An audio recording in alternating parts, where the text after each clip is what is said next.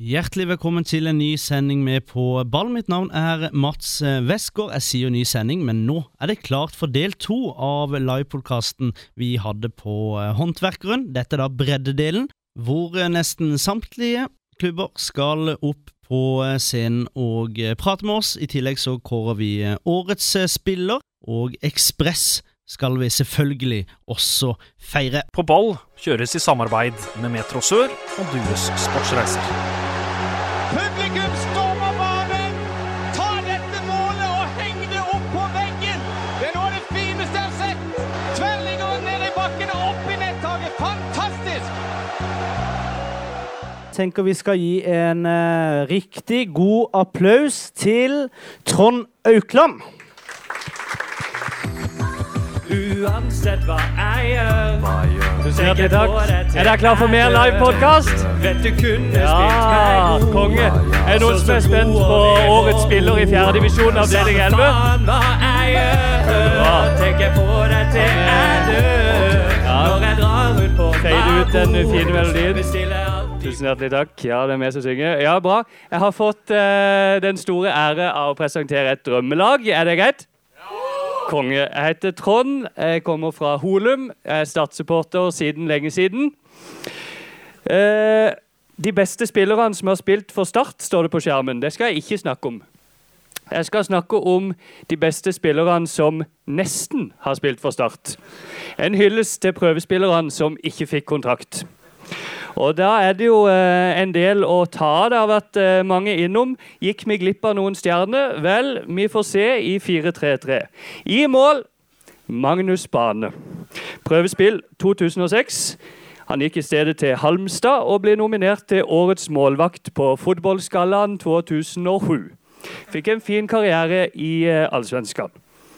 På venstre bekk Vitautas Andriuskevicius også kjent som Vytas. og Jeg tror vi kaller han Vytas. Han eh, spiller nå i selveste Tobol Kostanai i Kasakhstan. Very nice. Og for noen uker siden så spilte Litauen landskamp mot eh, Portugal. Portugal de skårte fem. Cristiano Ronaldo med fire av de. Men se hvem som skårte ett mål. Vår venn Vitas! Det er bra. Den neste spilleren er det sikkert en del som husker. Han er midtstopper og heter Mustafa Bayal Sal. Og Han er jo en liten joker her, for han fikk jo faktisk kontrakt i 2006. Start kjøpesal. Men han dro tilbake til Senegal og ble der. Det som var at Klubbpresidenten ville ha mer penger for han, selv om han egentlig ikke hadde krav på det, for han hadde bare en uh, amatørkontrakt. Men eh, klubbpresidenten var tilfeldigvis også ordfører på dette lille øysamfunnet. Og Han ville ikke at Sal skulle dra. Og tal, eh, nei, Sal han, eh, han turte ikke annet enn å bli, frykta for familiens ve og vel. Og så kom eh, Saint Etienne fra league Æ, og de var villige til å bla opp noen flere millioner. Så da signerte han for de òg. Eh, dette ble jo et rent eh, geitehelvete, for å si det mildt. Fifa tok eh, Sal-saken, og etter mye om og men så ble eh, Sal dømt til fire måneders utestengelse, og Start fikk 150 000 dollar i kompensasjon. Men her gikk vi glipp av en kjempespiller som fikk 175 kamper for Sant Etienne. Den andre midtstopperen det er på ordentlig en eh, tragisk historie, for han lever ikke lenger. Han heter Filipe José Machado Nascimento. Jeg finner han bare nevnt i et par setninger i eh, slutten av en eh, gammel sag i Feven. Der står det i tillegg var brasilianeren Felipe Nascimento på dagens trening. Han er bror av Amazon-spiller Fabiane og har selv bedt om å trene med klubben. Han viser at han har gode ferdigheter med ball, sier starttrener Tørum. Han spilte for Chape Coense i hjemlandet, og det var det laget som eh, styrta med flyet på vei til finale i Colombia. 19 av 22 spillere på laget døde, og Machado ble 32 år gammel. Vi går over på høyrebekk. Der finner vi Lovell Palmer. Hydro-direktør henter landslagsspiller til startprøvespill, sto det i VG. Det var Jon Arild Larsen fra Kristiansand som hadde blitt kjent med Palmer i et Norway Cup-prosjekt i 1998. Og i 2009 så henta han opp på prøvespill. Fikk ikke kontrakt, men spilte 150 kamper i MLS. 30 landskamper. Nå har han lagt opp og fokuserer på å selge capser med påskriften 'Dreads and Tattoos'. Så hvis det er noen som trenger ny caps, så er det bare å følge at Dreads and Tattoos 5 på Instagram. Holder langt unna 1, 2, 3 og 4. 5 er det riktig, det lover Palmer. Da skal vi over på midtbanen. Venstre indreløper heter Tijani Beled. Han var på prøvespill som ung eh, Inter Milan-spiller, faktisk. Han hadde allerede debutert, som vi ser her, da han ble bytta inn for Christian Vieri.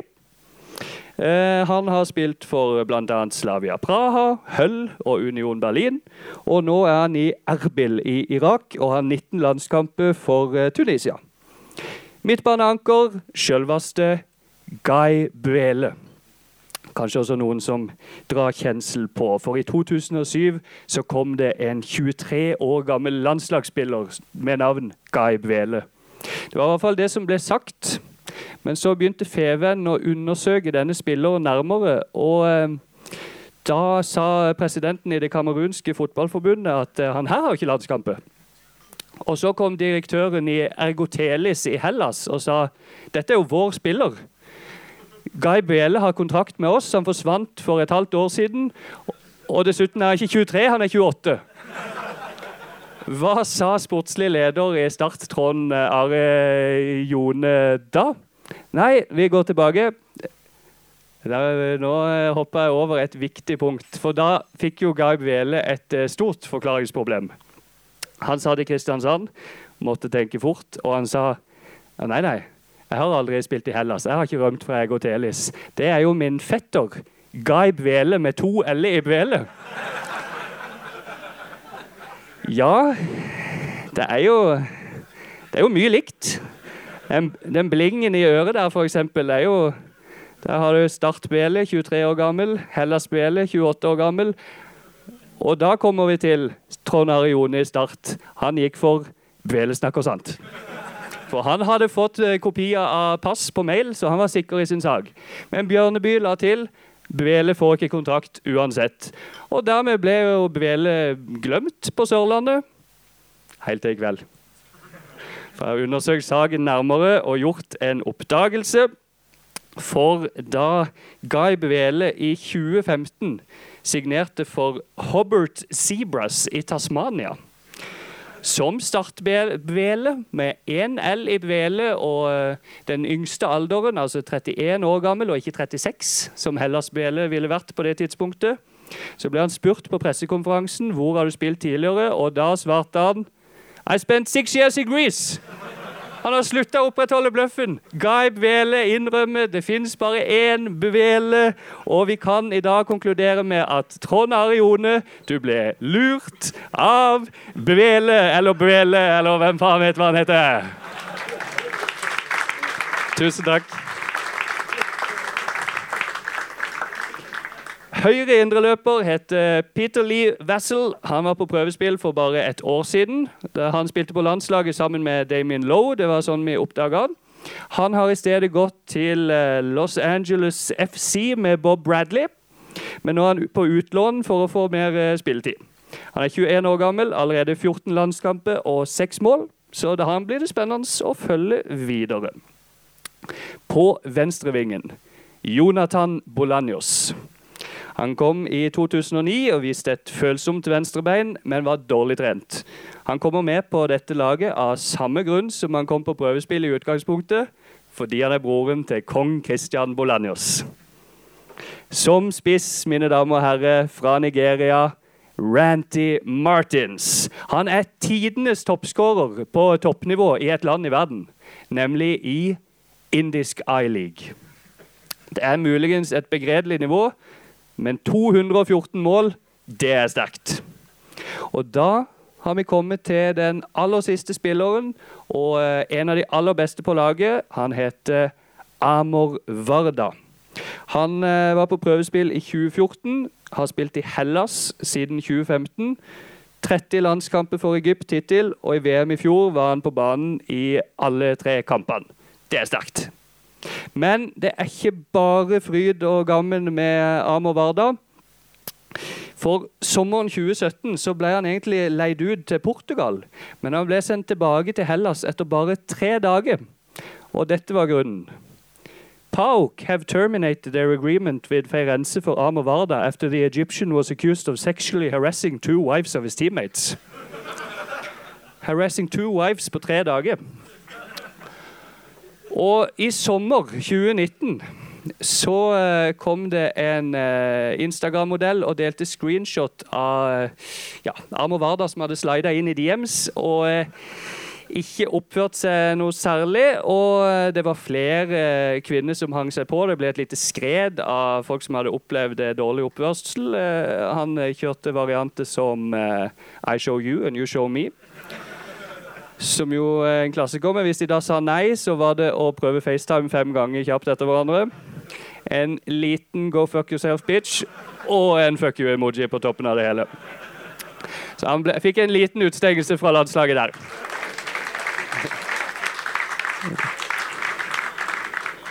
Men en, eh, en god spiller som er tilbake på landslaget nå.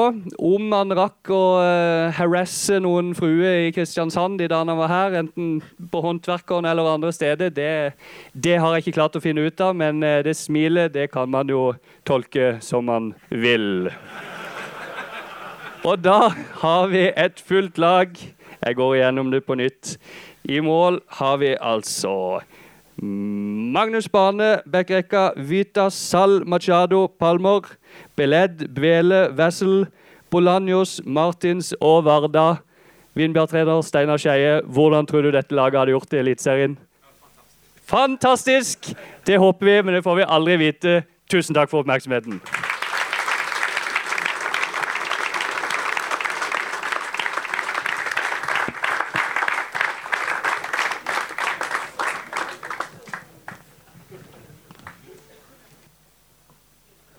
Tusen hjertelig eh, takk, Trond.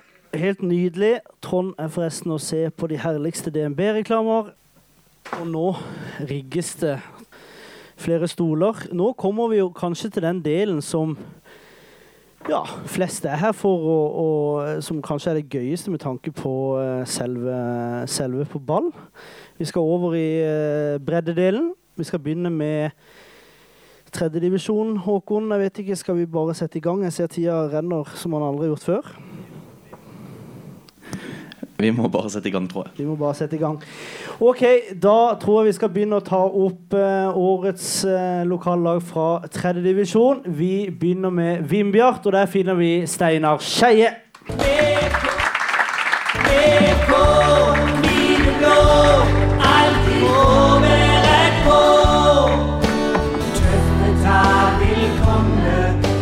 Vi med oss eh, flere, for vi har eh, Don, og der finner vi Stian Ingebretsen.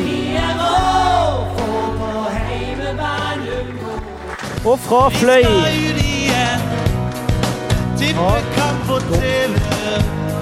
Har vi sangen.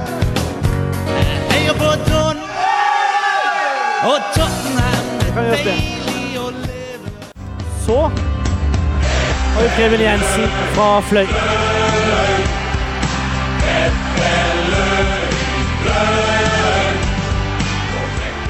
Og sist, men ikke minst, toppskårer i tredje divisjon, Joakim eh, Holta fra MK.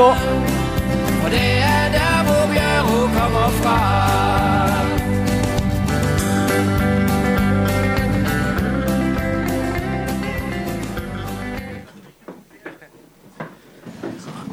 Trivelige gutter. Kjekke gutter. Hopp litt hen. Ja, yes, yes. Altså, Vi fylte bare på med navn, egentlig. Ja. For vi tenkte, eh, for jeg fikk et par meldinger om at noen som fikk litt kalde føtter. Ok, her vi må vi bare sikre oss at vi får noen representanter fra hver klubb. Og ja, vi fikk jo en flott bukett, Mats. Flott bukett. Fikk eh, hvis, Jeg tenker hvis det Fløy og MK tar seg del av mikrofonen, så kan Don og Vibjart eh, dele mikrofonen. Joakim, du sendte meg melding på Instagram tidligere da. Da har du tenkt å fylle opp en, eh, en bil med, fra Mandel. Hvordan uh, syns du sesongen har eh, vært? 24 mål, hvis dette er eh, riktig? Ja. Hvordan Ja. har det vært? Nei, eh, for laget sin del så har det jo vært eh, altså, perfekt sesong, egentlig. Vi ønska jo selvfølgelig å å gå for opprykk, selv om uh, vi var sett på som underdogs uh, når vi rykka opp uh, fra fjerde til tredje. Uh, det så ikke så bra ut på høstsesongen i, når, vi, eh, når jeg kom til klubben. Men eh, det var jo mål da om å, få en del poeng og rykke opp, eh, og det gjorde vi jo. Så, eh, så når vi da kom eh, opp til tredje, så var jo målet da å prøve å rykke opp til andre igjen. Og det gjorde vi jo nesten, men hadde det ikke vært for Fløy, som hadde en perfekt sesong, så, så kunne nok vi vært med og, og kanskje gått til andredivisjon. Uh, og for egen del så har det jo selvfølgelig gått veldig bra. Mye mål. Og jeg føler jeg har utvikla meg som eh, spiller. eh, både, både fysisk og eh, generelt som fotballspiller. Og vi ser jo det at for Viking, de kom jo på banen. Ehm, var det aktuelt, eller var det bare for å se på forholdene? Ja, altså nå I det siste så har det jo vært eh, veldig mange klubber som har eh, vist interesse. Så har jo vært Viking vært en av, en av de jeg har følt har vært mest interessante. Eh, så er det jo det å finne ut hvilken, eller hva som er rett for meg. Eh, om det er å bli i Mandal et år til, eller eh, noen flere år, eller om det er å, å ta steget videre. Og da og hvor, eh, hvor stort steg det skal være eh, jeg skal ta. Om det er opp til, opp til andre, første, eller om det er helt opp til Eliteserien. Så er det jo det som er å finne ut og, hva som er det riktige for meg. Men eh, jo selvfølgelig, det er jo interessant ved Viking. Nå har jeg jo har en del kontakter som jeg snakker med, og hva som er lurt, så, så får man se. Og vi hadde jo besøk av Joakim Holtan i en podkast uh, tidligere i år. Og det, Mats, jeg synes det er deilig å ha noen, fra, eller noen som melder litt. Joakim han har jo vært i, innom Start 2 og sagt litt om hvordan det var. og uh, Kort fortalt, Joakim, du er kanskje mer aktuelt å gå til Viking enn Start?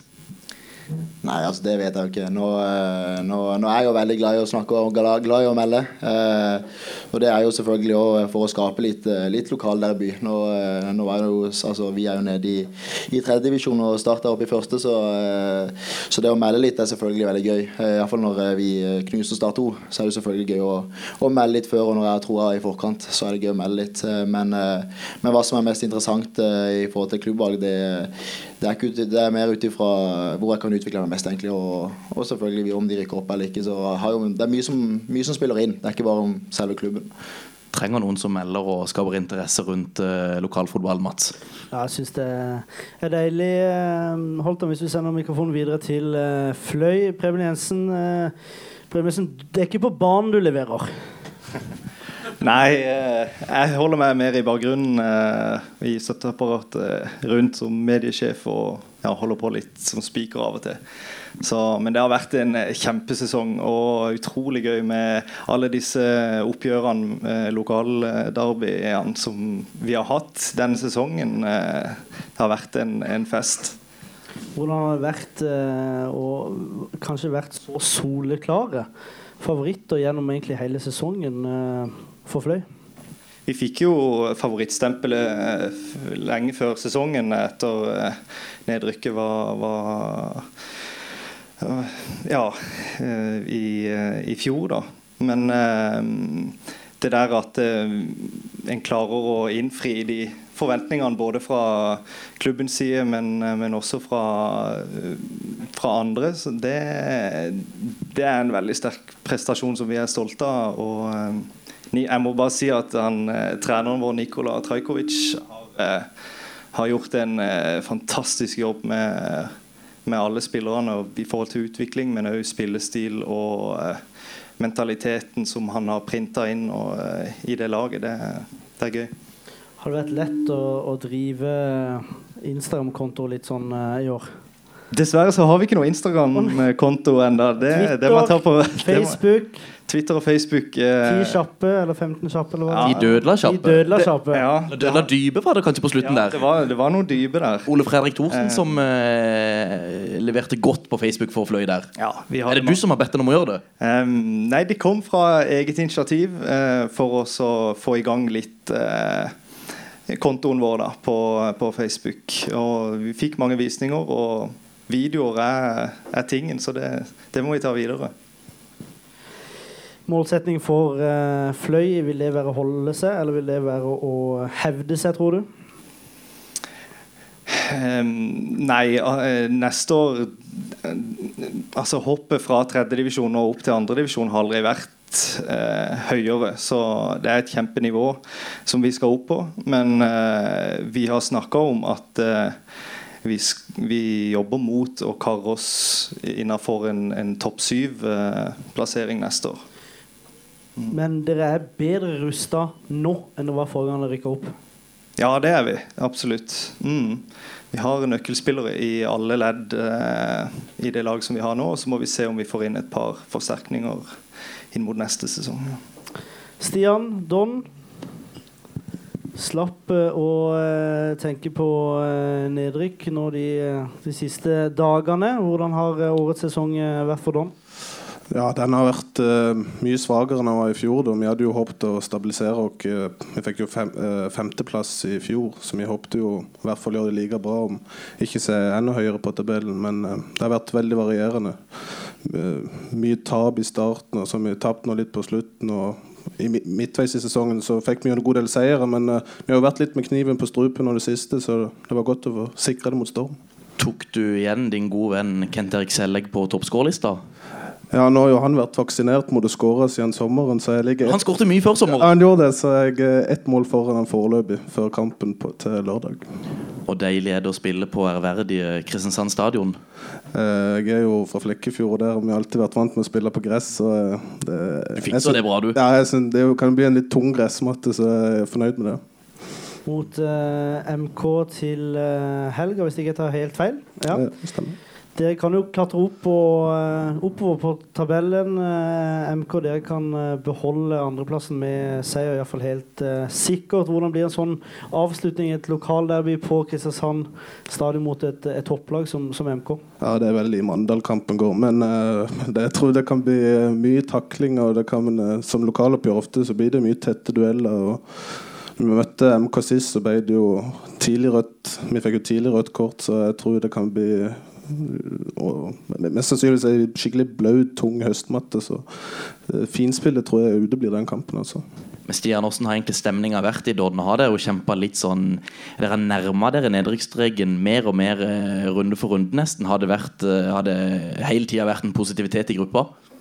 Ja, vi har jo hele tida hatt trua på at vi skal klare det. Vi har, humøret har egentlig vært bra på trening. og vi, vi har det jo alltid gøy på trening når vi treffes, alltid firkant. og Det sosiale er veldig bra i Don, så vi har alltid hatt trua på selv om resultatene har vært eh, i den siste tida har jo vært dårlige, unntatt Stormkampen. Og du trives godt i Lakskoklubben? Ja, jeg syns det er en veldig fin gjeng, og det sosiale er helt topp. En veldig fin gruppe. For eh, han sa det, Ole Tom Røynestad fra Flekkefjord, når han var gjest i, eh, i På ball, at eh, han skulle snekre sammen en god pakke, sånn at Stian Ingebretsen ville signere for Flekkefjord. Ser du at Der var det snakk om ja, litt lønn og kanskje et par andre ting òg. Det, det er ikke noe som frister, det. Har du hatt til Flekkefjord?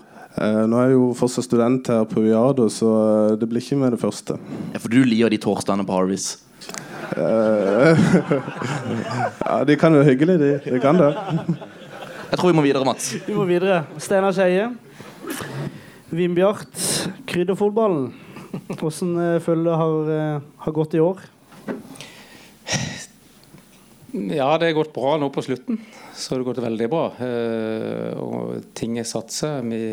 et nedrykk vi hadde i forandre divisjon, så mista vi jo 14 spillere etter første året. Det var jo de beste som forsvant. Og så mista vi 10 spillere, så vi er i ferd med å bygge opp noe, noe nytt. og har egentlig avslutta sesongen på en veldig bra måte. Så, med, med, med unge spillere. Så det ser bra ut. Fordi at er det denne høstsesongen som kanskje kommer til å vise litt mer kommer, eh, hvor langt dere har kommet? Ja, det, det tar jo tid. Iallfall sånn som vi spiller, så tar det jo tid å bygge både spillestil og, og tryggheten som spilleren skal, skal, ha i forhold til klareringsforbudet klareringsforbud og spille seg ut og sånn. Så det, det krever jo at, eh, at en må jobbe lenge over lang tid. Eh, mye over lang tid. Det gjør jo det. Så, eh, men jeg, jeg tykker det er mange som har tatt uh, veldig bra steg i, i løpet av sesongen, og det er ungt lag.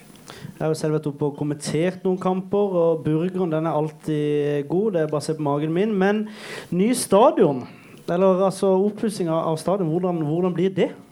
Med litt nye fasiliteter og Altså Det er jo sånn som det må være. I bygd som Vennesla så er det jo Det er ikke noe fotballstadion. Det er et idrettsanlegg, og det er sånn det må være. Ideelt sett så skulle en hatt en fotballstadion selvfølgelig som, som fotballmann, men uh, sett i et sånn større perspektiv, samfunnsmessig perspektiv, så er det helt riktig å bygge en sånn bane med løpebane rundt, og ja, friidrettsarena er det jo òg, da. Men uh, det, det, er en stor bane. Det er veldig godt dekke. Og det blir jo en tribune, da, ikke, ikke med tak foreløpig, men det kan jo komme. Så uh, det blir et fint anlegg. Og det, vi, vi, liker oss der. Og i kamerabua, der kommer det vel til å være tak, eller? Og, ja, ja, ja selvfølgelig. Ja, ja, du, skal, du, skal, si det tørt. Du, Steinar, jeg er veldig glad i å se Sporten uh, 21-25 på TV 2. Og det var jo her om dagen så var det jo et fantastisk innslag av kampen mellom Vindbjart og Fløy.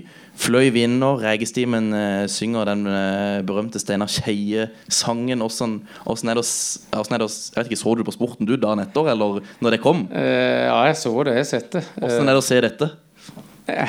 Jeg må bare berømme Regestimen. Det er jo, de er jo fantastiske supportere, og de er jo så kreative som det holder. Så det er jo bare gøy.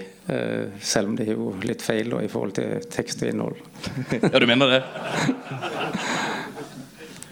Um, ja, det var jo disse snakk om disse pengesummene. At dere hadde rykka opp for så og så mange penger hvis dere hadde hatt det samme budsjettet som Fløy. Og det var stor avisoppslag. Er det, er det det som skal til, føler du, for å på en måte bygge opp om lokalfotballen og skape litt blest? Ja, jeg tror jo eh, en del av de der eh, dumme uttalelsene som jeg har hatt, har vært med å, å tenne litt fyr på, på lokaloppgjørene. Uh, og jeg tykker det skal være litt elektrisk på de kampene der. Og, uh, det er jo ikke noen sinner bak, selv om kanskje enkelte opplever det, så er det jo ikke det. Det er jo bare for å, for å fyre opp litt. Grann, og, og Regestimen det, det, er jo de som dreier det der ute. Det De er jo fantastiske med Odd Finne spissen. Det er godt han holder seg til fotball, ikke på, i bystyret, da.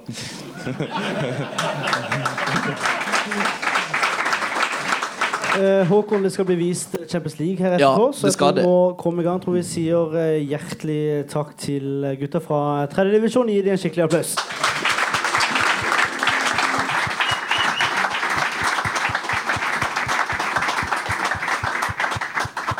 Ja, men jeg tror vi bare må komme oss uh, videre. Uh, vi skal jo nå til fjerdedivisjon, Håkon. Kanskje det som er vår hovedliga? Ja, fjerdedivisjon avdeling 11. Og det er, kanskje, det er ganske lett å eller det var ikke lett, vi brukte vel et år kanskje på å sette oss ordentlig inn i alt av lag og klubber. Og det er klart det blir litt spesielt når du går og ser en kamp som ikke du har noe spesielt forhold til. Jeg var så Søgne fløy to. Ikke noe spesielt forhold til lagene, men eh, jeg kunne søren meg begge startoppstillingene. Det er jo kanskje litt nerdete, men eh, det ble litt det blir litt gøy òg når du får litt peiling, men nå skal vi høre hva disse spillerne har å si, så det blir spennende. Jeg tror vi bare setter i gang, Alfotto. Vi skal få med oss Søgne. Har vi noen fra Søgne her? Er det vet du. Men vi har noen flere spillere som skal opp, har vi ikke det? Det har vi fra godeste Våg, Kristoffer Robin Larsen. FK Våg i våre hjerter. FK Våg i vårt blod. Ingen banker oss på Og eh, direkte fra eh, Brun Arena, Fredrik eh, Karlsen.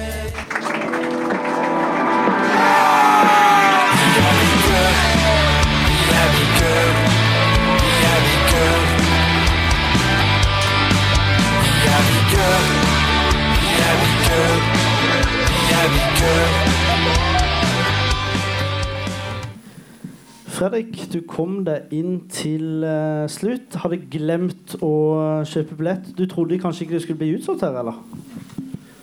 Nei. Nei. Men det ble det. Ja, det ble det. Og jeg kom litt seint opp, for jeg trodde på Harvest, faktisk. Så det Der var det tomt. Dette er sånn. kapteinen til Vigør. Den er grei. Sesongen uh, oppsummert. Hvordan uh, syns du har gått for, uh, for Vigør? Nei, altså Det har jo vært en ganske rufsete sesong. Vi ender på en eh, tiendeplass, tror jeg. Og det er jo ikke noe vi er så veldig, veldig stolte av på, på Hellemyr. Men det har vært en sesong med mye mye skader og mye, ja, mye rufs i, i rekkene. Så vi eh, For å si det positive, så har mye unggutter fått lov til å, å prøve seg. Og, og de, mange av de har tatt eh, nivået ganske fort da. Så eh, en tiendeplass i år kan fort bli til en eh, mye bedre plassering til neste år. Men du fikk jo også prøvd deg som en slags midlertidig hovedtrener. Ja, er det noe Skal vi snakke om de to seirene av to muligheter, tenkte du på? Ja. Men spilte dere ikke da mot nettopp Våg? Det kan stemme, det. Vet ikke om han vil nevne det. men- Chris Robin, dere møtte opp på Makron Arena på Hellemyr der, og det var mot Vigør. Og Fredrik, jeg tror Fredrik leda det laget, men da fikk dere det tøft. Ja, det, det er kanskje den dårligste kamp vi har spilt i år. Det var borte mot eh, Vigør. Det var blytungt. Men hva var det egentlig som skjedde med Våg denne sesongen? her? For dere hadde jo en kanonsesong i fjor hvor vi egentlig lenge trodde at dere skulle rykke opp. Ja, altså vi, vi har faktisk bare to poeng dårligere enn det det var i fjor. Så det sier egentlig litt om eh, nivået i år har egentlig vært bedre enn det det var i fjor. Men eh, vi skulle nok ha ønska å, å, å være høyere oppe enn det vi, vi endte på. Men hvor, hvorfor er dere ikke like høyt oppe som i fjor? Er det mye utskiftninger på laget? Er det mye skader?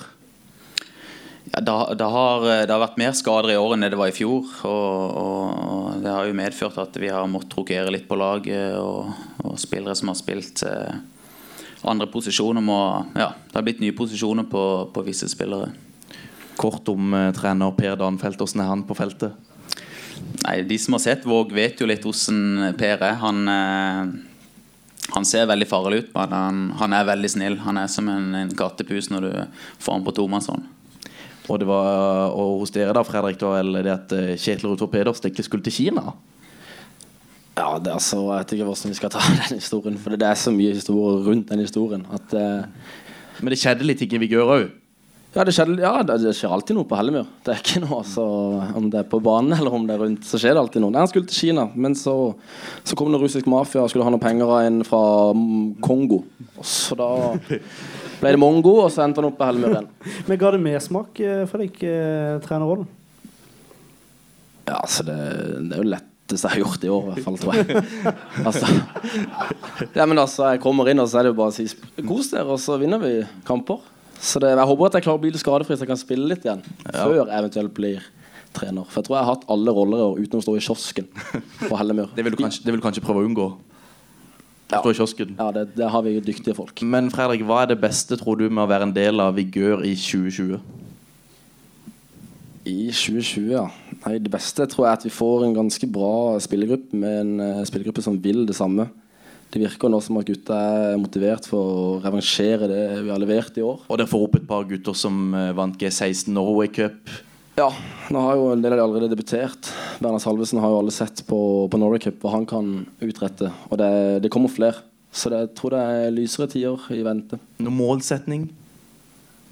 Det er jo som man sier det sånn hvert år at man skal rykke opp, men så ender man på tiendeplass. Jeg vet Ja. ikke. Sånn er det jo i fjerdedivisjonen. Ja, altså Hadde vi vunnet en kamp, så hadde vi vært på andreplass. Så det Nei, vi går jo for gull, da. Det er jo kjedelig å gjøre noe annet. Skjønner at det er vanskelig å tippe fjerdedivisjon, Mats. Ja, det, det, det, det er veldig, veldig vanskelig. Målsetninger for dere neste år, Kristoffer? Eh, nei, nå har vi ikke snakka om eh, sesongen 2020 ennå, men eh, forhåpentligvis så blir det bedre enn det var i år. Eh, for det har vi, vi har en god nok stall til å gjøre det. Så eh, ja.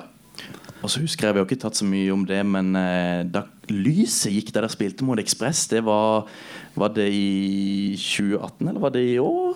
20... Det var i fjor. Det var i fjor? Åssen opplevde du det? Lyset gikk tre minutter før kampslutt. Ja, så for min del så Dere lå under? Ja, vi lå under, så for min del var det greit at kampen ble blåst av der, selv om vi pressa på. Men, eh, men eh, som Per sa, regler er regler, sa han. Så eh, Ekspress reiser eh, uka etter fra Fevik og spiller tre minutter på Karus og, faktisk skåret et mål. Ja, det gjorde det. Vi, vi satsa alt på ett kort der og sendte alle fram. Så, eh, men det, det ble litt PR rundt kampen og, og fjerdedivisjon, og, og all PR er jo Fe- Feven sendte vel de tre minuttene. Det gjorde, de gjorde faktisk det. Så kan det være de sender noen flere 90 minutter i 2020. Satser, eh, satser på deg, eh, Håkon og Kristoffer Robin og Fredrik. Jeg tror vi må videre. Tusen hjertelig eh, takk til disse gutta.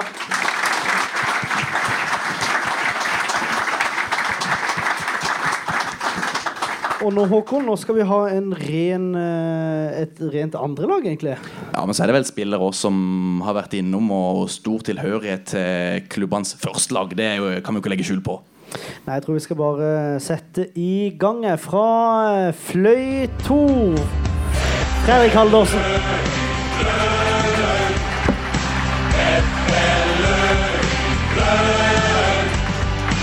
Og så har vi fra Arendal 2 Christian Eriksen. Her kommer vi. Elleve stolte magi. Og heia Arendal. Og eh, vi holder oss i Øst-Agder. Jerv 2 Benny Bouchard. Fotballklubben Jerv i våre hjerter. Fotballklubben Grimstad by. Bojar, har du hoppa noe i det siste? Ja øh, Ikke så mye, men øh, litt på spikeren blir det jo. Jeg falt her om dagen, faktisk. Uh, skulle hoppe opp på sånne fine plater. Så sklei den øverste plata, og så rett på ryggen. Heldigvis ingen som så det, men det hadde blitt en bra innslag på FVN, egentlig. Skylder du på plata, da, eller skylder du på deg selv? Platene og litt meg sjøl. Ja. Spensten er der. Ja, nå er jo, som jeg alltid sier når folk spør om det, så jo, jeg har jo gener fra Afrika, og de slavene var sterke på den tida, så jeg har litt gener derfra, og de hopper høyt, så det gjør jeg òg nå. Så det er godt jeg har fått noe derfra. Eh, Benny, du har spilt eh, en del på A-laget til Jerv, du har spilt en del eh, Jerv 2, og du har til og med skåret i fjerdedivisjon. Eh, Åssen klarte du det? Nei, det Som var jo keeper. Ja, det er jo det alle keepere drømmer om å skåre. Det, det er egentlig derfor jeg står i mål, for å skåre som keeper. For det er ingen som gjør det. Eh, For, for du gjorde ikke sånn som han uh, Ullkisa-keeperen her i runda som var skåret på frispark? Nei. Men kunne du ha gjort det? Eh, Ja, jeg kunne jo prøvd, men det hadde sikkert gått over mål. Fordi eh, det som ingen vet her, det er at jeg har tatt et straffe i år mot Tveit. Og da murte jeg den ballen langt over mål. Så den, eh, den ballen hadde jeg faktisk ikke funnet ennå. Men åssen gikk det? Det var, var det mot eh, Du skåret Var det Riel? Ja, jeg, har kan ikke huske helt, men det var, vi, vi, vi lå under eh, 1-0, tror jeg, eller jeg vet ikke, 3-2 eller. Jeg har ikke peiling. uh, og så var det opp på en liten dødball der, og så uh, gjør jeg sånn som Marius pratet om i stad. Har krigmentaliteten inn i boks, og da var det å dytte en fyr så han falt. Egentlig solklart frispark, men dommerne i fjerde divisjon de har jo ett og et halvt øye, så de ser jo ikke det. Så da uh, så dytta han, greit, ingen så det. Og så kom ballen, tok han litt med hånda, den så han heller ikke.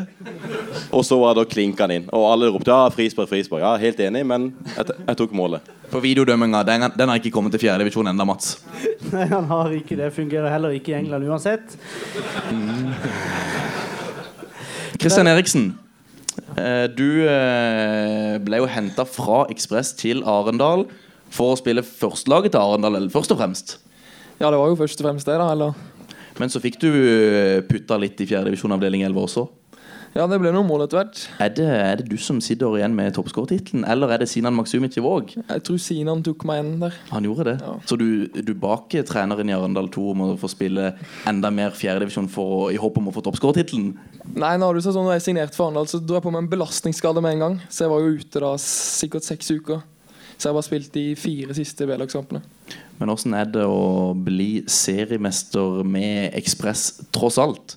Jo, det er jo, det er jo kjempegøy, selvfølgelig. Så da gjør det ikke det noe å avslutte sesongen i Arendal 2, egentlig? Nei, ikke sånn egentlig. Men åssen er stemninga egentlig rundt Arendal som fotballklubb og det å spille på Norak? Føler du at interessen er bra? Selvfølgelig kunne interessen vært bedre. Det er jo helt klart. Det er jo ikke fulle tribuner. Nei, vi, vi ser jo det. Du, og du, du Mats, har vært litt kommentert uh, Arendal i andredivisjon. Kommentert uh, to, tror jeg det. Og, eh, men jeg snakka med Magne Aslaksen i, i Ekspress. Han mente jo at det var flere på ekspresskamp enn det var på, på Arendal. Det kan godt uh, stemme, det, men det er jo for så vidt sånn Ja, det er jo, det er jo synd, det. Men det er flott å komme til Arendal. Problemet med å komme til, til, til stadion Arendal, er jo det at det er jo ikke noe skjerm. Så hvis det, hvis det, hvis det regner mens jeg står og kommenterer, så regner det rett inn. Det kan vi godt få, få fiksa til, eh, til neste år. Skal fikse det. Ja, men det er bra. Det er bra. Kristian, har du et høydepunkt fra årets sesong? Gjerne i fjerdedivisjon. Da må vi kanskje Ja, til det må du være kampen mot Flekkfjord. Helt klart. For Ekspress eller for Arendal 2? Nei, for Ekspress. For Ekspress. Ja. Hvordan, ja, du må fortelle om kampen. Den foran Arendal 2, det hadde jeg glemt. Nei, da var jo Ole Tom alltid som melder i media, og jeg meldte tilbake at vi som tippekonkurranse så inn og tippe der at vi skulle vinne 6-1. da Fikk jeg bare et letegn tilbake i chatten. Ja. Og så får jo de straffe etter 40 sekunder, så er det 1-0 i fleisen der. Og så fra, et, fra 30 til 50 minutter så får vi fire sjanser og leder 4-1. Og det var Jeg må bare skyte inn her til, til håndverkeren. Hvis det står noe i baren, så er vi litt over tida. Beklager det. Det blir nok ikke 21-0 Champions League. Så har vi fått tatt oss eh, foran eh, ja, det, det formelle. Jeg kan sitte her i evig tid. Dette er kjempe, kjempehyggelig. Fredrik Haldorsen, Fløy 2. Dere har vært i kjempa i toppen egentlig hele veien. Ja, vi har jo egentlig det. Vi hadde en veldig god vårsesong der vi lå um, kun ett poeng bak Ekspress. Så starta vi veldig svakt nå i høst, så vi, vi lå vel kanskje 20 poeng bak til en periode der. Men vi avslutta sterkt, så vi karer oss inn til en fjerdeplass til slutt. Så. Og jeg syns jo den andrelagsdebatten er ganske sånn vanskelig og altfor lang å ta nå, egentlig. Men føler du at dere i Fløy 2 har vært mye heldige som har fått med dere noen førstelagsspillere? Ja, jeg tror uh, andre lagene er nok Fløy 2 de som har stilt den mest Eller hatt den mest stabile elva, da. Med tanke på A-lagsspillere. Men vi har jo selvfølgelig hatt noen kamper der vi har stilt veldig sterkt, som bl.a. mot Ekspress, som vi slo begge kampene. Så Men er det, er det fake, det? Nei, Tror du det andre er- klubber føler det fake? Føler det som Ja, jeg kan jo skjønne frustrasjonen til lagene der, men eh, hva skal man gjøre? Det er jo de som ikke får spille for A-laget i andre divisjon, eller i tredje divisjon, får spille for oss. Så. Hvordan var det i Jerv, Benny? Følte du at det var mange Eller at det, når du spilte for Jerv 2, da var det mange førstelagsspillere som var med, og du tenkte at dette tar dere glatt, eller eh, ja? Nei, altså vi, hadde ikke så, eller, vi har ikke så mange med. Vi har den regelen at det er kun tre over 23. Uh, og da er det sånn at det må justeres litt. Da. Men det er veldig ungt lag. altså Vi har jo ikke altså, guttelag. Så alle de altså, er jo faktisk ti år eldre enn de gutta. Og de har jo ikke hår på visse steder ennå. Så eh, de er, de er unge, men eh, det er et lovende lag. Eh, så handler det om bare å vise seg fram på annetlaget, så det er jo Ja, det er egentlig fair, det. Åssen er det i Arendal 2, Kristian? Ja, det er det jo samme som i Jerv. at Hvis du ikke eller i Fløy, hvis du ikke spiller på A-laget eller blir benka, så er du med på andre lag. Men Har dere noen regel på hvor mange spillere dere kan ta med dere til kampene? Nei, det er det jeg vet. I hvert fall blant annet var Magne Aslaksen er så forbanna over, for det er ikke noen regel i andre divisjon. Gjelder tredje. Men i Obos og Eliteserien så må du tre over Q3. Fredrik, eh, nå rykka jo Fløy sitt A-lag opp til andredivisjon. Dere hadde muligheten til å rykke opp med andre lag eh, til Fløy i tredjedivisjon. Er det et mål 2020? Ja, da, nå vet jeg ikke helt om uh, styret vil ha uh, oss opp i tredje, men eh, det, jeg tror ikke det hadde gått, for å være helt ærlig. Hva er det beste med å spille på Øya? Ja, eh, ja si det. Eh, det, det ja. Det, blå, det blåser jo fint, da. Greit med det. ja, det blåser veldig mye på øya. Ja. Er slår ballen høyt opp, så lander han alltid på 16-meteren. Det, det er ganske greit. Ja, det er med vel, du sier noe der. Savner du regestimen på kamper i fjerdedivisjon? Ja, det gjør jeg faktisk. Det, er- da, det hadde gitt litt ekstra inn mot kampene og hatt de på tribunen. Så det hadde vært veldig veldig moro. Det er det som er med den regestimen. Eh, altså, hvis det, altså, man trenger egentlig bare én av de For de synger jo helt latterlig høyt. Hæ? Ja, de gjør det. Så hvis du får én med på kamp, så er jo det nok til å fylle opp, egentlig. Ja, det, Er det ikke noe sånn i Grimstad? Nei, de har jo akkurat vært på den der eh, det gallerigreiene der og hatt 95 halvlitere. Så det er jo ikke De er liksom De er litt slitne når de kommer, da. Så det er, de, er, altså, de begynner bra, men så ut i andre gang så ligger de jo der og er grønne i øynene, vet du. Så det, det er bra trøkk, men det går litt tidlig ned. Kristian Forse Arendal, er det noe liv i de? Ja, det, det er livet i de. Det er liv i de, men de stiller heller kanskje ikke så mye på fjerdedivisjon, så du må kanskje oppfordre de til å stille litt der òg. Ja, Der er det ikke mange på kampene. Det er bekmørkt. Eh, Mats, jeg tror vi må videre. Det må vi. Tusen hjertelig takk, gutter.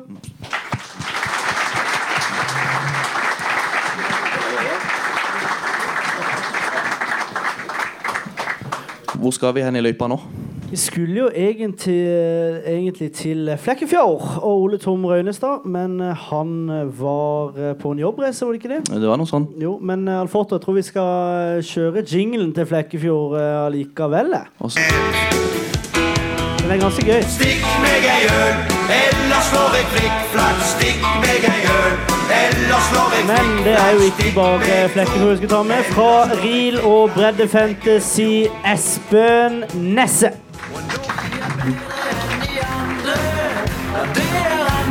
som vinner dette slag. For det er Annesund som skal kjempe.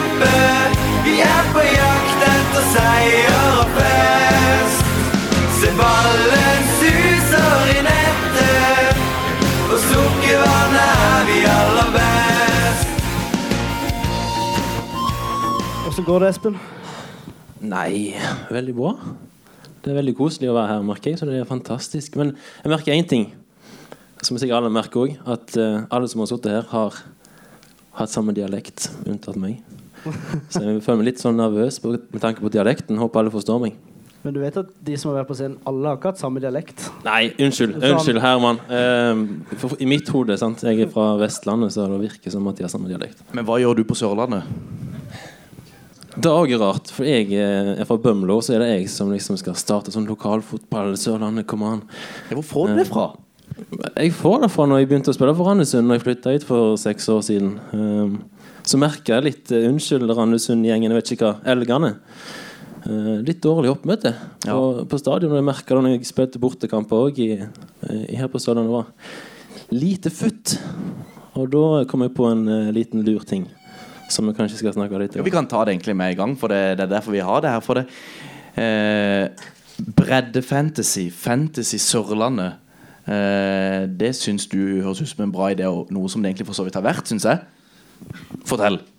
Ja, eh, jeg, som sagt starta fordi jeg syntes det var litt lite futt rundt lokalfotball. Jeg ønsker å fremheve disse her, eh, gutta som står minst like mye på som Start-gutta, vil jeg tro. Start har fokus på trening og fotball, mens disse her har studie og de har jobb og ditt og datt. Så jeg syns de fortjener litt ekstra bluss. Eh, og fantasy har blitt en, en veldig populær ting, spesielt i Premier League. Fancy, for de som ikke vet hva det er, hva er det? Fantasy, da får du poeng på spillere. Så du kan velge et lag av eh, 15 mann fra fjerde divisjon. eh, 11, det er avdeling 11. Eh, Du kan velge deg en, mann. For eksempel, du kan ta Kristian Eriksen. da Starten av sesongen var jo fantastisk. Du måtte ha Eriksen, men han var jo selvfølgelig litt dyr. For han kan skåre masse mål. Og hvis du skårer mål, hvis du får assist, så får du masse poeng på fantasy. Åssen har det vært å drive Fancy Sørlandet? Det er jo mm, på si, nesten på egen hånd, men du må jo ha hatt en kontaktperson i hver klubb. Er det noen klubber som har skilt seg ut som ja, Som har levert bedre enn mange andre på rundt spillet? Det er han som ikke er her. eh, Ole Tom Røynestad. Fra Flekkefjord. Fra Flekkefjord. Og eh, disse døtrene hans, som har bidratt masse. Eh, men å drive det, det er dessverre tyngre enn jeg trodde. Det starta veldig bra. Jeg fikk lagt ut artikler, men så var det liksom jeg som skrev artiklene, jeg som oppdaterte alt. Så merka jeg mer og mer at det tar ikke tid til. Prissetting på spillerne. Ja, sant. Det forsvant etter hvert. Det, det er veldig dumt at det ikke går, men jeg tenker det er et fantastisk konsept som jeg håper kan gå. Men akkurat nå så så vet jeg at det sitter kanskje noen her som er litt skuffa over at det gikk litt skeis etter hvert. Men det du egentlig oppfordrer til, det er at klubber kanskje skal bli bedre på å hjelpe deg. Fordi at det er jo Bredde Fantasy eller Søndre Fantasy er jo tross alt noe som, som eh, bidrar til produktet fjerdedivisjon. Ja, eh, så selvfølgelig det som sitter. Det er mange her som sitter som, har hjulpet meg masse òg, men absolutt alt hjelper. Bare oppdater kampen. Eh, Hvis jeg skriver en status på Facebook, så oppdater kampen for meg. Ja, det er det oppdatere kampen. Jeg tenker Det må jo være en på sosiale medier til de forskjellige klubbene som kan gjøre det. Og så er det også det vel å sende inn målscore, assist eh, og hvem som spilte etter kampen. Eh, du får jo med deg ting når du spiller, tenker jeg. Eller kanskje ikke alle, men ja. Ja, igjen så må jeg berømme alle som har hjulpet meg. Fra, jeg har jo en fra hver klubb som har hjulpet. Eh, eller som har egentlig gjort nesten alt. Fordi de som har lagt inn tallene fra kampene de har spilt. Eh, og da er det jo ja, Ta Ekspress. Kristian Eriksen først, helt til han forsvant. Og da er det Olav Hofstad som har tatt over. Det er jo fantastisk at de vil bidra, og det hjelper jo utrolig masse. Hvordan gikk det for deg på Bredde Fancy i år? Dårligere enn deg. Endte som nummer fem av mange som var med? Var det rundt 100? 120. 120. Så du, en må følge litt med? Ja, tingen er at jeg må oppdatere spillet, og da En dårlig unnskyldning, men da glemmer jeg å oppdatere laget mitt. Ja, det er fryktelig dårlig unnskyldning. Ja. det er helt latterlig.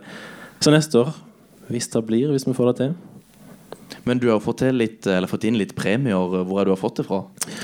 Ja, dette utgangspunktet kommer det jo ikke fra meg, selvfølgelig. Det er jo andre som har startet opp bredde fra fantasy på, på Østlandet. Eh, så er det ja, igjen noen som sitter som ikke har fått premiene sine, som er fryktelig synd. Eh, de skal jo få de, men eh, jeg blir så oppgitt av de som skal levere dette. Det er NordicBet som skal levere. Så førsteplassen skal jo få en englandstur for to personer. Og vi har jo en vinner. Vi har en vinner. Av Play Defense i 2019. Det kan du egentlig bare ta med en gang. Jeg kan gjøre det. Nå er ikke kamp, De siste kampene var i går, så nå er jo ikke spillet oppdatert. Men han ligger 150 poeng foran de andre. Uh, så det, jeg tviler på det er en spiller på Det er vel Tveit som ikke er oppdatert. Unnskyld, Tveit, men jeg tviler på det er en mann der som har fått over 75 poeng. Jeg, vet- som han har jeg, vet ikke, jeg vet ikke om Tveit er her i dag heller, er de det? Det er så stilig. Bare, igjen, bare beklager, men det var litt typisk å kapteine når det var Tveit som var på motsatt bane. Ja, det var, det var en gjenganger. Det var en gjenganger. Men det er Andreas Tendenes eh, som vant. Han var favoritt ganske lenge, for han hadde Excel-skjema. Han, han skjønte med en gang at dette er muligheten min til å få en gratis tur til England. Litt sånn mange gjør i Fancy Premier League eller e- Ja. Eliteserien Fancy. Kjøre Mm. sånn Excel-skjema. Du gjorde jo det i Eliteserien. Du har gjort det. Eliteserien, dere har jo en podcast som du har vært med på angående Fancy Eliteserien, så da, da hjelper med sånn Excel-skjema. Mats, eh, hva er det vi skal til med avslutningsvis? Vi eh, skal eh, selvfølgelig feire Feire personer vi har uh, kåra årets eh, spiller. Og eh, vi har også en ekstra premie. Skal jeg begynne med den ekstraen først? Er ikke det best? Det kan vi gjøre. Ja. Da eh, er det jo sånn at vi har kåra kanskje årets uh, SoMe-ekspert. Kan vi si det? Sosiale medier. Og eh, For der er det forskjell blant klubbene. Ja. Det er vesentlig store forskjeller. Jeg- tenker Det koster så lite å legge ut eh, mål, eh, oppdatere kampene. Det er, også når du sitter hjemme, det er jo ikke lett å få med seg hva som skjer. eh, Ofte i tredjedivisjon og fjerdedivisjon. Noen ganger syns jeg det er vanskelig å få mål og høydepunkter fra andre divisjon òg. Jeg vet at eh, Post Nord eh, legger ut et par, men eh, jeg syns det kan bli vesentlig bedre. Helt klart. eh, Instagram er det nye, har jeg hørt. Så, så fortsett å legge ut eh, der. Jeg tror det er veldig viktig for alle klubbene. eh, ikke minst eh, for oss som eh, egentlig alle oss tre som sitter her, som prøver å heve opp eh, fjerdedivisjon og gjøre det produktet enda bedre. Du skal dele ut en pris, pris Mats. Jeg skal dele ut en pris. eh, Sosiale medier. eh, Alf Otto, hvis du kommer deg på jobb, så spiller du av den jinglen som har med Don å gjøre. For jeg syns vi skal gi en skikkelig god applaus til klubben og mannen vi mener har gjort den beste jobben på sosiale medier, nemlig Simen Prag.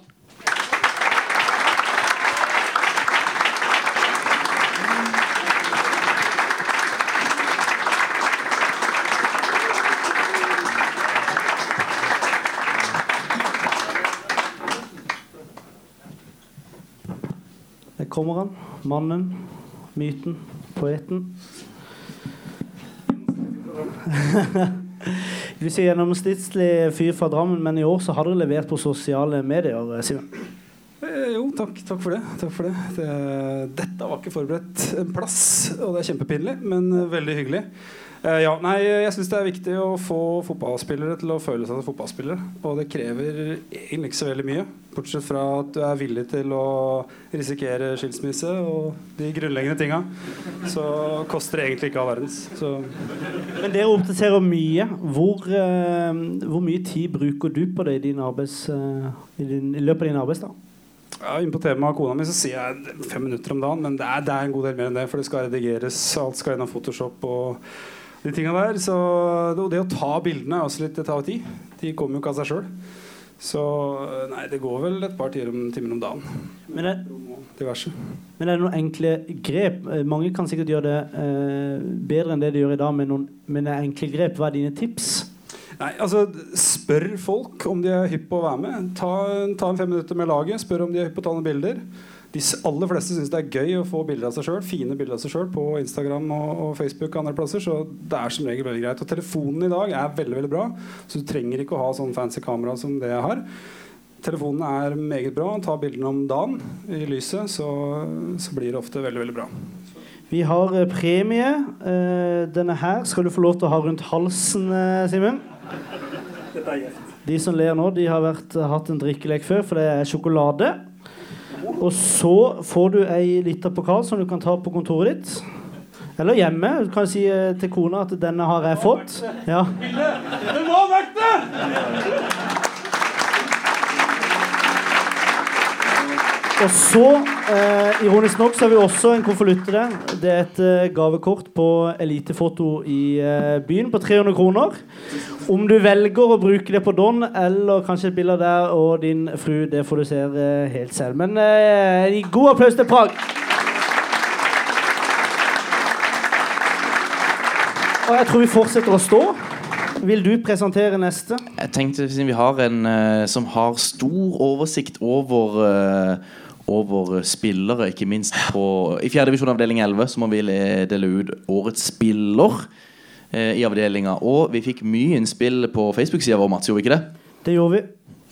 Eh, det var jo som regel de lagene som ligger i toppen, som ble mest nevnt. Men det var ei sentralrekke i Ekspress som eh, skilte seg ut. Så eh, jeg trenger ikke si så mye mer enn det. Nesse, du kan eh, få lov til å, å komme med navnet. Ja, eh, jeg kan avsløre med en gang at det er, ja, det er Ekspress. Eh, de røyk opp. Eh, all kred Søgne, som faktisk tok kampen helt inn. Jeg gleder meg egentlig til siste kamp, når Kristian Eriksen skal ødelegge for Ekspress med Arendal 2. Dessverre så, så ble det sånn at Ekspress tok da runden før. Så sånn ble det ikke. Kristian Eriksen, du hadde muligheten til å ta denne tittelen, men du forlot Ekspress, så dessverre. Eh, sånn er det. Eh, så er det flere navn som kunne fått den. Jeg bare skal si ett til som kunne fått den, som ikke fikk den. Eh, Tobias Olsvik. Fantastisk sesong i, i fjerdedivisjon. Jeg gleder meg til å se deg i tredjedivisjon, så applaus til han.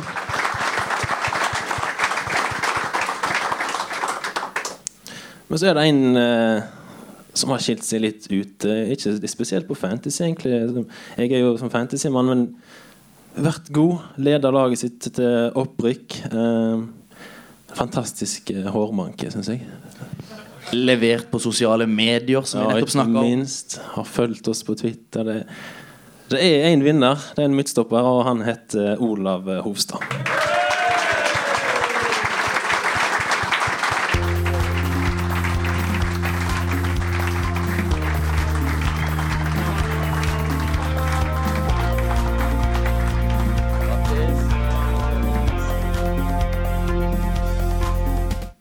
Kan stille meg her jeg, veldig kjapt. For vi har litt dårlig tid, så jeg tror vi må egentlig Ja, ja, vi må bare kjøre. på. Men du fikk jo mikrofon. Greit, da går jeg tilbake. Hofstad, eh, for det første, hvordan føles det å bli årets eh, spiller i eh, fjerdedivisjon? Nei, det er veldig gøy. Jeg ser på oppmøtet her og ser interessen rundt fjerdedivisjon. Det har vært gøy å reise rundt i en så flott avdeling. Jeg har kalt det landets fineste avdeling. Og ja, en ære, rett og slett. Og tusen takk for alle som har stemt, og alle som har vært i Ekspress i år, og alle som har vært i lokale klubbene rundt og bidratt til en fin sesong for alle sammen. Veldig, veldig bra svar, men nesten litt overraska. Eh,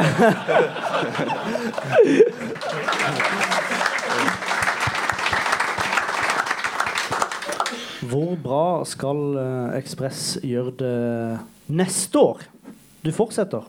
Ja, uttalt så i hvert fall. Eh, det kommer litt an på det. Telefonene kommer til å brenne, og folk kommer til å ringe fra Tromøya og hvor som helst. Men eh, jeg tror vi kan bite godt fra oss og beholde den stammen vi har. Så tror jeg vi har et lag som kan bite fra seg. Kanskje litt påfyll. Og så ja, det tror jeg det blir veldig bra. Det har jo uttalt at vi skal opp på, på morgen og ta Steinar Skeie, så det, det blir deilig. Det gleder jeg meg til. Og eh, Mats, eh, du får eh, gi Hovstad premien her, så skal vi ha et siste, eller nest siste innspill, kanskje. Nesse, du skal få lov til å sette deg ned, så må vi rett og slett ta opp vinnerne, eller et par av de fra 4. divisjon avdeling 11. Så Foto, hvis du kjører eh, neste jingle.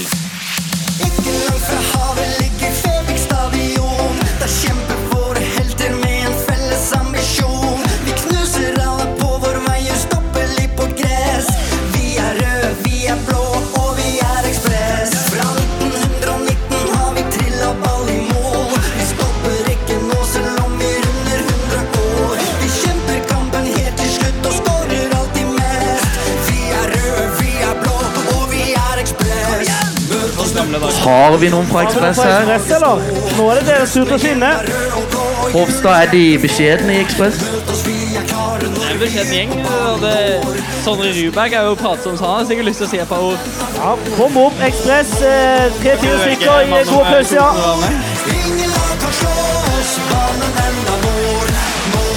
har fått eh, gamle Dagsnytt Eriksen. For vi er ekspress, og seieren den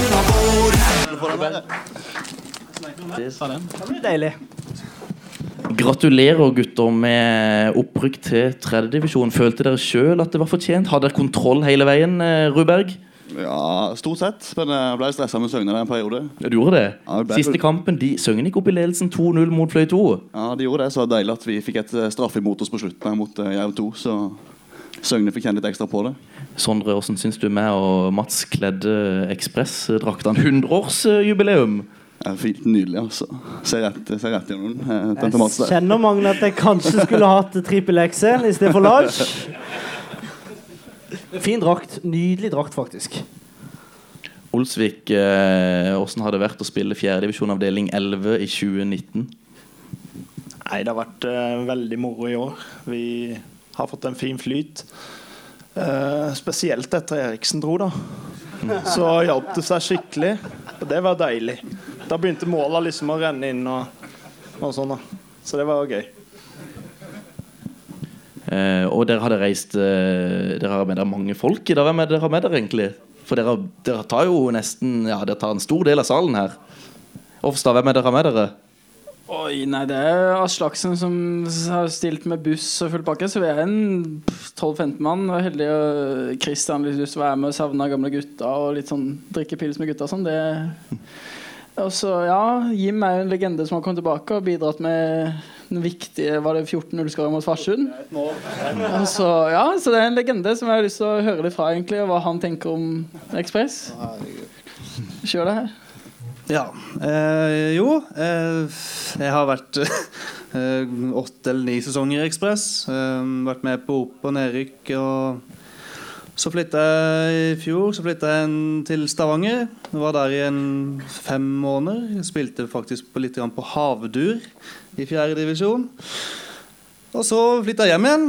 Og så, så begynte jeg igjen. Og så ble jeg skada, og så har jeg vært skada siden med leddbåndskade. Men Men, men ja. er, er det i tredje eller fjerde divisjon Ekspress hører hjemme? Midt imellom? Skal man si da, Det første året når vi rykka opp til tredje, så var det jo Det holdt oss så vidt det var. Eh, andre året kom vi på tredjeplass, og så var det nedrykk neste år igjen. Så det er jo veldig Så jeg føler det, vi skal klare å bite oss godt fra tredjevisjon. Jeg tror nok det, er- det er der vi har lyst til å prøve å, å bygge et lag og være stabile der. da, Så får vi se hva som skjer videre. Jim, hvordan er det å ha spilt så mange sesonger i, i Ekspress? Hva er det som kjennetegner, kjennetegner ek, eh, Ekspress? Jeg vet ikke hva jeg skal si. Det er miljøet og folka, og det er bare Det er en svær Det er jo en kompisgjeng, rett og slett. Og det, jeg har vært i- én klubb tidligere, og det var Tvedestrand FK. Når jeg var 17 år. Og spilte faktisk under Bård Sterk-Hansen, som var med treneren min. Eh, Men eh, Ekspress er noe helt spesielt. Det er bare jeg vet ikke, jeg blir bare, det er nok bare den klubben jeg kommer til å være i ut. i hvert fall. Det er veldig godt miljø, og alle folka rundt og hjelper hverandre og ja, stiller opp for hverandre. Hovstad, du sa det dere hadde et mål vel om å ikke rykke ned, var det ikke så? Men så endte dere med å rykke opp. Var det planlagt, eller var det bare litt et spill for galleriet, eller? Ja, vi slo ut første treningskampen i januar, så slo vi tre- Tveit 3-2. Ikke sant? Mens nå slår alle lagene Tveit med nesten tosifra. Ja, så um, man kan jo ta ja, man Det så jevnt ut lenge. Ja, det gjorde jo det. Vi var jo Vinter så det jo ikke Det så jo ikke bra ut. Da var det holde seg et realistisk mål, og så så var vi litt heldige. Fikk inn litt folk. Christian Eriksen begynte å skåre. Sondre Ruberg ble med til slutt. Eh, vi fikk inn Ali Hussaini, som var viktig på midten. Og ja, fått bygd en god stamme og hatt en god flyt egentlig hele veien. Og da ja, har det vært, har vært enkelt å spille fotball. Så det er sluppet unna de største skadene og, og karantenene. Så det har egentlig ja, De kampene vi har hatt litt karantene og sånn, så har det på en måte ja, gått greit. Har dere mange som har spilt tredjedivisjon tidligere? Og det er jo ikke så mange som har spilt så mye. Ja, og Tobias Olsvik har spilt mye i tredje divisjon. Steinar Berås, Sondre Ruberg. De har jo erfaring fra mye høyere nivå. Ja, spilt litt sjæl. ellers så vet jeg ikke om det er så mange som, som har spilt så mye. Jo, de fleste har jo vært der. Marius Larsen, keeperen bak, slipper jo alltid inn i hvert fall, hvert fall ett. Eh, ja, men jeg, jeg tror det er en god gruppe som går til å holde, holde nivået greit. Og Sondre Ruberg, du var jo i Start og er nærmest et eh, talent på FM. eh, var du ikke det? Det er mye talent i fjerde divisjon. Ja, i hvert fall på FM. Men det er en grunn til at det blir i fjerde og ikke kommer seg videre derfra. Ja, men Hvordan er det å være tilbake i Ekspress? Nei, Det er fint, det. altså. Du trives? Jeg trives. Det er fint å spille fotball, men ikke for mye. Ikke for mye. Er det for mye i Ekspress? Blir det for mye i tredjedivisjon? Eh, ja, vi får se, da. Vi får prøve å forhandle oss en god deal der. O- Olsevik, hvordan blir det å møte f- eh, Vindbjart og MK, Start 2, Don? Ja, Det blir veldig gøy, det. Vi eh, har jo spilt mye mot de tidligere med Jerv, har vært mye tøffe lokaloppgjør der. Og det, det er jo alltid gøy. Eh, og det var jo bra at alle laga herfra holdt seg i tredje. da. Var litt synd Fløy gikk opp, da. Kunne vi hatt de òg. Men eh, da blir det jo færre reiser sånn sett, og mer lokal fotball, og det, det er moro. Og hvordan kommer Ekspress til å gjøre det i neste års eh, tredjedivisjon? Nei, Det blir spennende å se. Det blir jo Det blir opp et nivå, det er ingen tvil om Men Gjør dere det bedre enn noen av de andre lokallagene? Ja, skal høyere enn MK, i hvert fall. Høyere enn MK, det er målet? Ja. Ja, men Helt til slutt, vi- ja, hvis, hvis MK rykker ned, så blir 11.-plass det er perfekt. Det er perfekt. Holder man seg akkurat. Det er strålende. Helt til slutt, eh, botur. Har vi planlagt det? Ja. Ja, hvor skal den gå? Skopje. Jeg tror vi vet alle hva som skjer i eh, Skopje. Gutter, tusen takk. Og Ekspress, serievinnere. Hæ?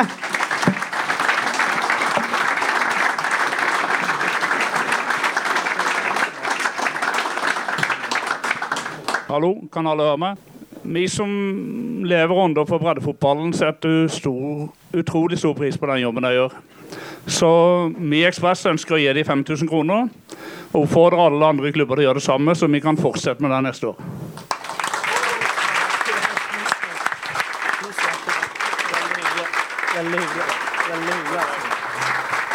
Tusen takk. Håkon, vi har gått over eh, 22 minutter av eh, tida. Ja, men det er det jo ofte med en, eh, en av de Når vi lagde podkaster Det var ikke alltid vi hadde styr på tida, så det hendte jo ofte at vi gikk over eh, en halvtime over tida. Men har vi, må vi ha opp eh, John og Anders for å oppsummere episoden, som vi ofte har gjort tidligere? Ja, Hvis det er greit for baren. Hvis baren kan gi meg tommel opp. Vi har fått tommel opp. Deilig. Anders og eh, John, ny applaus. Og når myggen danser, gull har vi fått. Med sommer, sol og sommer. 20 år har gått, men jeg har enda mine drømmer. Anders, vi har jo eh, dårlig tid. Vi har fått tommel opp fra baren. Eh, Det er alltid et godt tegn. Eh, det er første gang du har fått det. Ja, en, en gang må være det først for alt. Hvordan har det vært å eh, være litt med og være, være publikum? Nei, dette her har vært en uh, helt fantastisk kveld. Har det gått bedre enn du hadde forventa? Jeg syns det har gått som forventa. Uh, når eh, Mats kjørte i gang dette prosjektet, så visste jeg at dette her ligger i rette hender. John, er du, trenger ikke si om du er enig, men hva syns du Nei, for det var jeg ikke.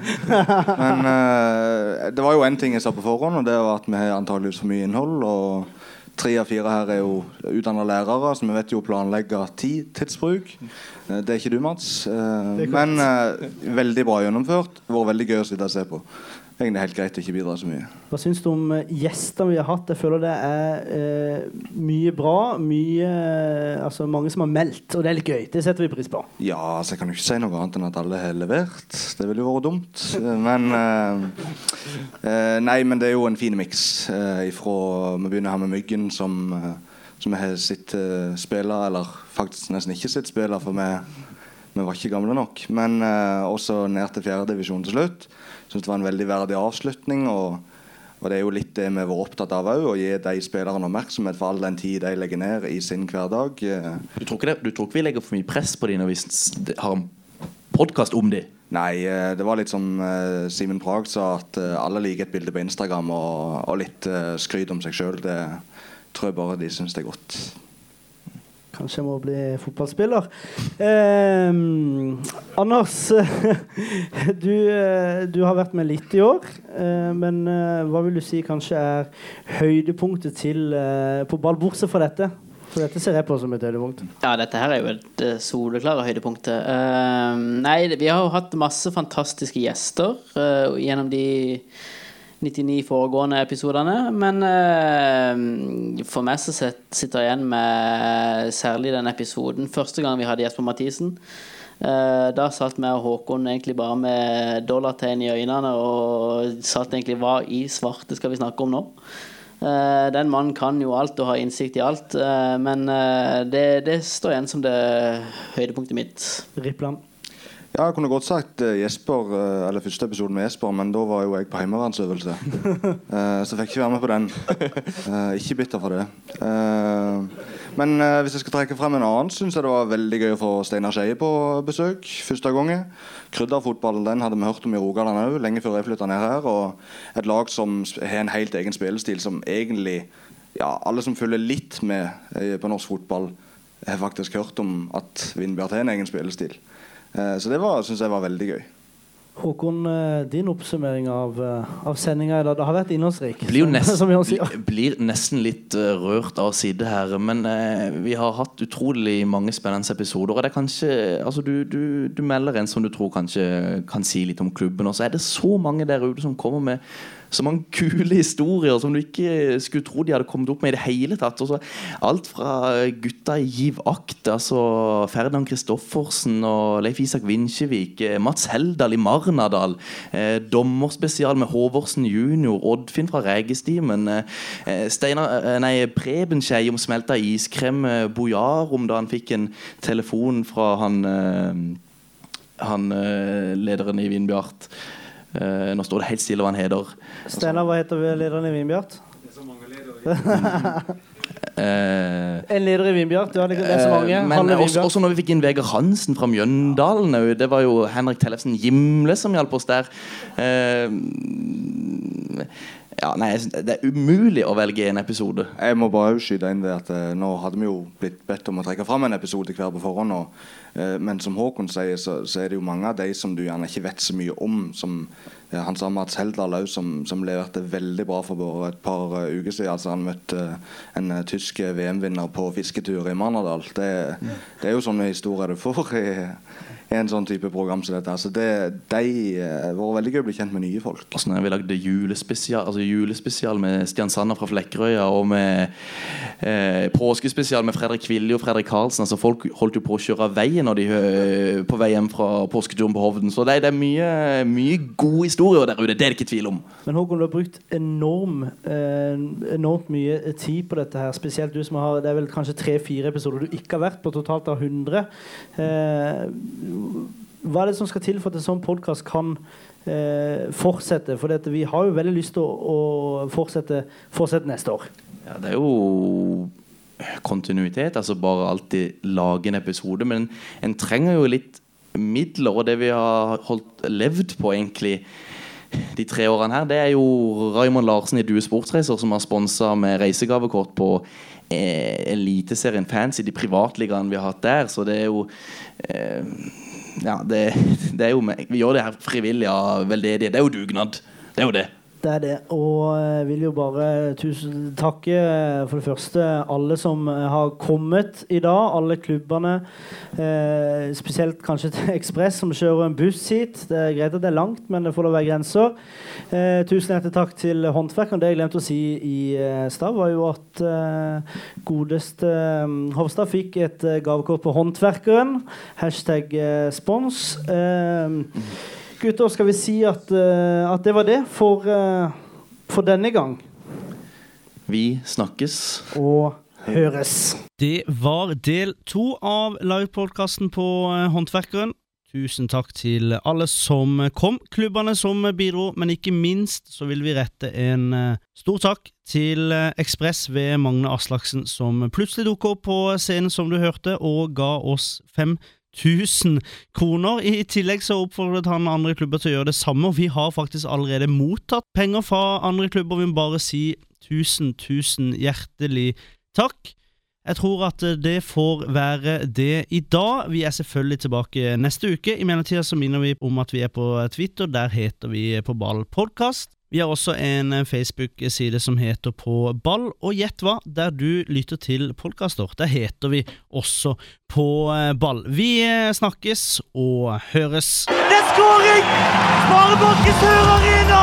Vi følger Starts vei tilbake til Eliteserien tettest. Og for dere som kjører bil nå, så håper jeg dere holder dere på veien. For dette her er fantastisk fotball! Hør alle Starts kamper direkte på Radio Metro hver eneste serierunde.